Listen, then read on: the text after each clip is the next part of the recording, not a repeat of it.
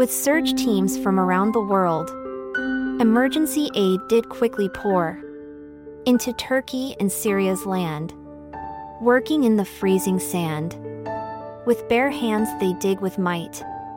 Through buildings crushed by earthquake's fright. Voices calling out for help. But silence now, as victims yelp.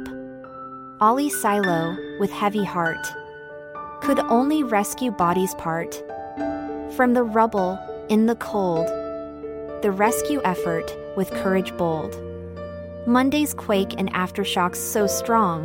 A swath of destruction all along. With thousands of buildings brought to ground. In a region war and crisis has bound.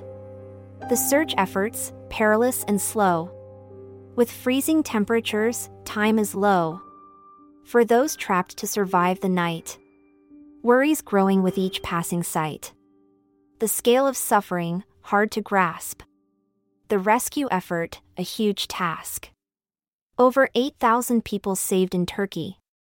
While refugees, 380,000 and counting surely.